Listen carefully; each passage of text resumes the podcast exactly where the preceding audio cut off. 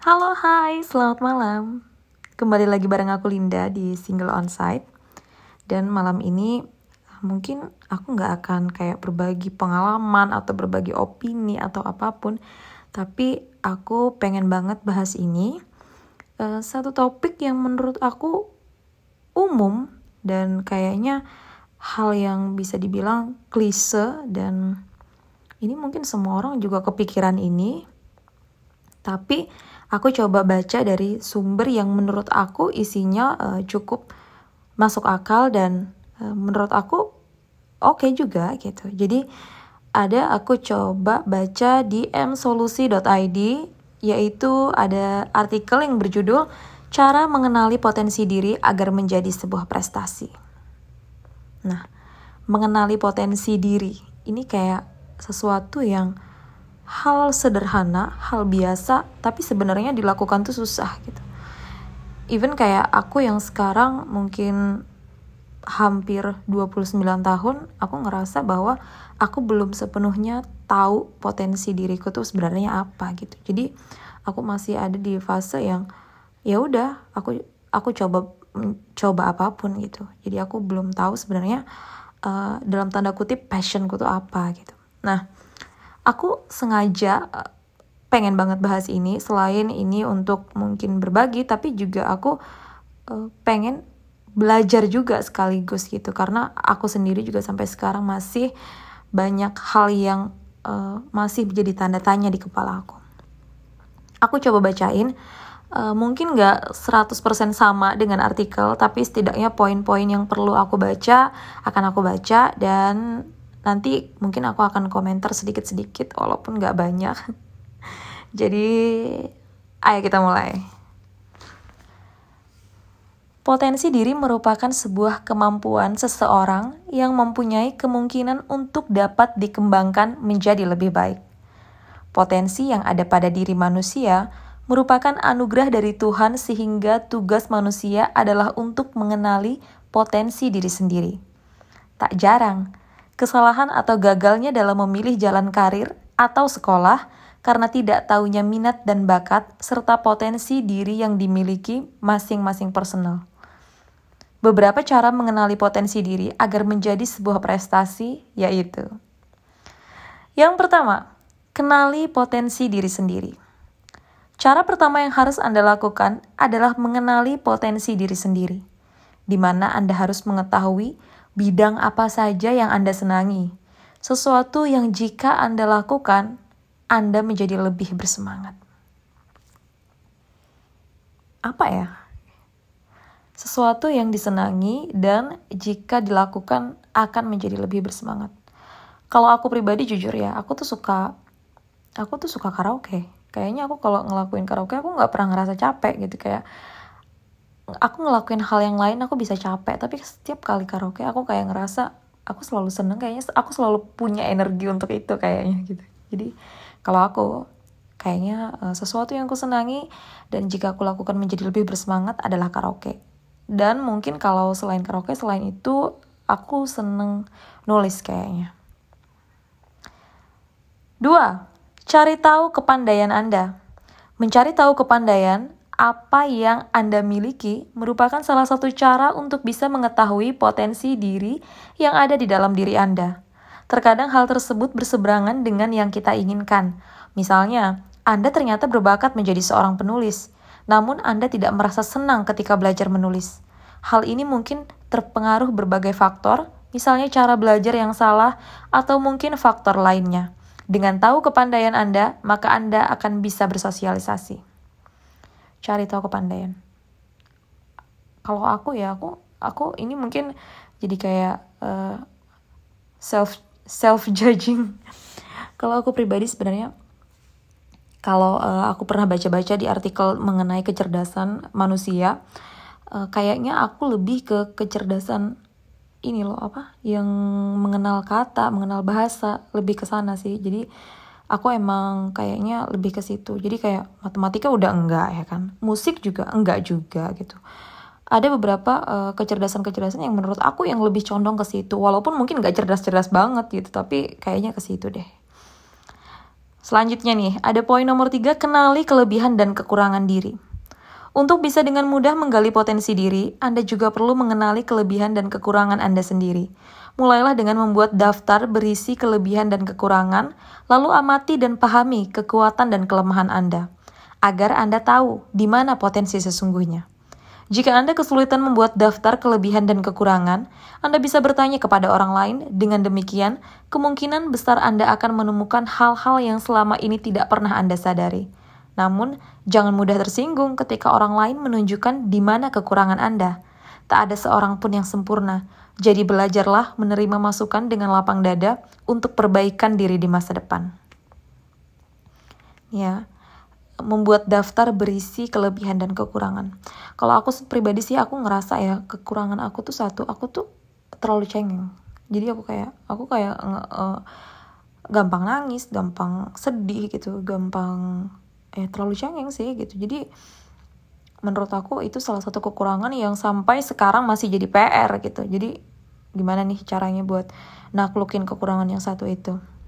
Kalau kelebihan kayaknya sih hmm, aku cukup cukup ya nggak nggak nggak yang nggak yang hebat juga enggak tapi kayak aku cukup percaya diri untuk uh, tampil di depan orang jadi kayak mempresent sesuatu aku kayaknya cukup percaya diri jadi mungkin itu bisa jadi kelebihan aku selanjutnya poin nomor 4 ada berani menghadapi kegagalan memaksimalkan kekuatan mental dengan berani menghadapi kegagalan banyak orang yang menganggap kegagalan sebagai akhir sebuah perjuangan, padahal kegagalan sebenarnya adalah awal sebelum datangnya keberhasilan itu sendiri. Cara kita menyikapi kegagalan itulah yang akan menentukan seberapa suksesnya kita. Klise sih ya, poin nomor 4. Jadi ya udah, eh, kita mungkin sering dengar uh, nasihat itu di mana-mana. Lalu ada poin kelima, mencoba hal-hal baru. Untuk optimalisasi potensi diri, jangan takut mencoba hal-hal baru. Mungkin saja di antara hal-hal yang Anda pelajari itu terletak kekuatan Anda sesungguhnya. Maka dari itu, jangan ragu membuka wawasan dan pengetahuan akan banyak hal di sekitar Anda. Berani mencoba hal-hal baru juga membawa manfaat yang positif, seperti mampu mengatasi ketakutan, memicu kreativitas, mendapatkan teman atau relasi yang baru, menghargai diri sendiri. Itu untuk poin nomor 5, mencoba hal-hal baru. Jujur ya, aku tuh termasuk orang yang mungkin uh, sedikit sem uh, sedikit seneng banget coba hal-hal yang aku belum pernah lakuin sebelumnya. Kayak ya banyak lah kayak misalnya aku aku nggak bisa berenang tapi aku kayak memberanikan diri uh, pakai pelampung di tengah laut dan itu aku pelan gimana ya aku kayak gimana caranya aku melawan rasa takut. Walaupun sebenarnya ketika aku lihat ke bawah laut itu aku ngerasa takut gitu kayak karena apalagi di tengah laut kan ombaknya terasa kayak uh, dia terlihat terlihat tenang tapi sebenarnya kayak kenceng banget arusnya buat bawa kita. Tapi aku selalu berusaha eh, nggak uh, tahu kenapa pada saat pada saat misalnya aku ke pantai atau aku ke laut pada saat misalnya aku pada saat liburan aku selalu uh, berusaha gimana caranya aku nyoba hal itu walaupun sebenarnya aku takut gitu. Jadi uh, mencoba hal-hal baru adalah salah satu hal yang mungkin sudah aku lakukan ya. Uh, sama juga kayak naik gunung. Aku aku tuh orang yang paling males naik gunung. Dalam artian aku tuh males effort. Jadi aku tuh kalaupun misalnya liburan aku pengen yang udah deh yang nggak usah terlalu banyak effort nggak nggak capek atau sebisa mungkin seminim mungkin melakukan aktivitas fisik gitu. Karena basicnya aku tuh cepat capek. Tapi uh, aku aku pernah coba sekali untuk naik gunung dan aku tahu itu hal yang uh, mungkin bisa dibilang malah ngerepotin orang gitu. Tapi aku coba paksain diri dan ya akhirnya walaupun mungkin gunungnya nggak tinggi tinggi banget ya tapi setidaknya aku berhasil melewati uh, melewati hal itu gitu. Jadi sampai sekarang kalau misalnya aku ditanya mau naik gunung lagi lah mau gitu. As, tapi mungkin dengan kondisi fisik yang nanti lebih siap. Jadi again nomor 5 mencoba hal-hal baru mungkin itu aku suka banget. Poin nomor 6 adalah jangan takut berbeda. Memiliki potensi diri atau kemampuan yang berbeda dari orang lain biasanya akan mengecilkan nyali Anda. Jangan ragu menunjukkan dan mengembangkannya selama itu positif. Nyatanya, terlihat unik itu menyenangkan. Berani berbeda akan berdampak positif bagi Anda, karena Anda akan terus mengembangkan potensi diri dan berani menjadi diri sendiri. Hmm, jangan takut berbeda. Aku kayaknya masih belum nih kalau untuk di poin nomor 6.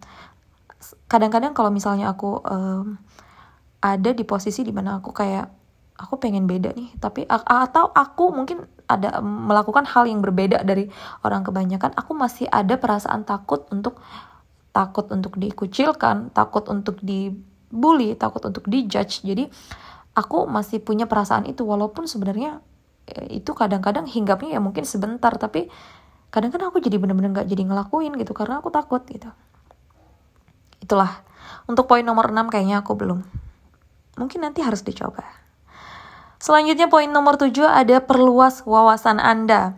Untuk dapat mengembangkan potensi diri, Anda harus mau terus belajar dan memperluas wawasan. Jangan merasa sudah terbaik dalam suatu hal. Anda harus punya sikap rendah hati agar bisa berprestasi. Memperluas wawasan dengan segala macam informasi bermanfaat yang ada di sekitar Anda. Pada era digital ini, mendapatkan informasi tentu sangat mudah karena adanya internet. Manfaatkan kemudahan itu dan jangan ragu mengembangkan potensi diri semaksimal mungkin untuk meraih impian. Aku senang banget sama uh, paragraf pertama, yaitu jangan merasa sudah terbaik dalam satu hal.